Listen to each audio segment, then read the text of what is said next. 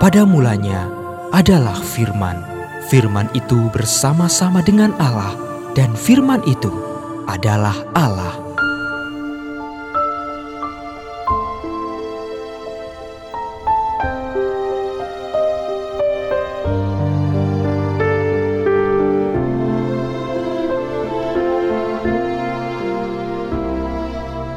Kejadian pasal 37 ayat 1 sampai dengan 11. Yusuf dan saudara-saudaranya.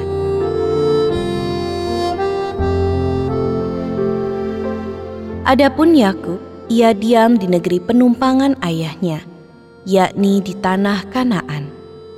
Inilah riwayat keturunan Yakub.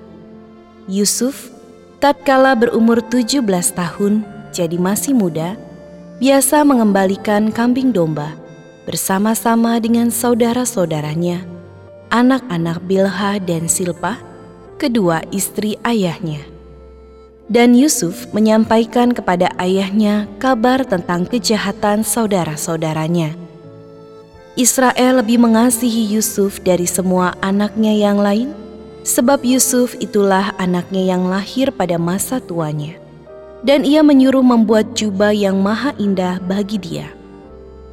Setelah dilihat oleh saudara-saudaranya bahwa ayahnya lebih mengasihi Yusuf dari semua saudaranya, maka bencilah mereka itu kepadanya dan tidak mau menyapanya dengan ramah.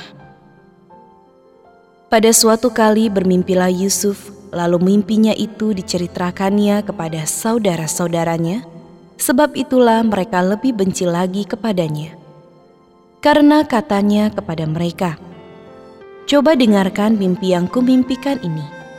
Tampak kita sedang di ladang mengikat berkas-berkas gandum, lalu bangkitlah berkasku dan tegak berdiri. Kemudian datanglah berkas-berkas kamu sekalian mengelilingi dan sujud menyembah kepada berkasku itu. Lalu saudara-saudaranya berkata kepadanya, Apakah engkau ingin menjadi raja atas kami?' Apakah engkau ingin berkuasa atas kami? Jadi makin bencilah mereka kepadanya karena mimpinya dan karena perkataannya itu. Lalu ia memimpikan pula mimpi yang lain yang diceritakannya kepada saudara-saudaranya. Katanya, Aku bermimpi pula, tampak matahari, bulan, dan sebelas bintang sujud menyembah kepadaku. Setelah hal ini diceritakannya kepada ayah dan saudara-saudaranya, maka ia ditegur oleh ayahnya. Mimpi apa mimpimu itu? Masakan aku dan ibumu serta saudara-saudara sujud menyembah kepadamu sampai ke tanah?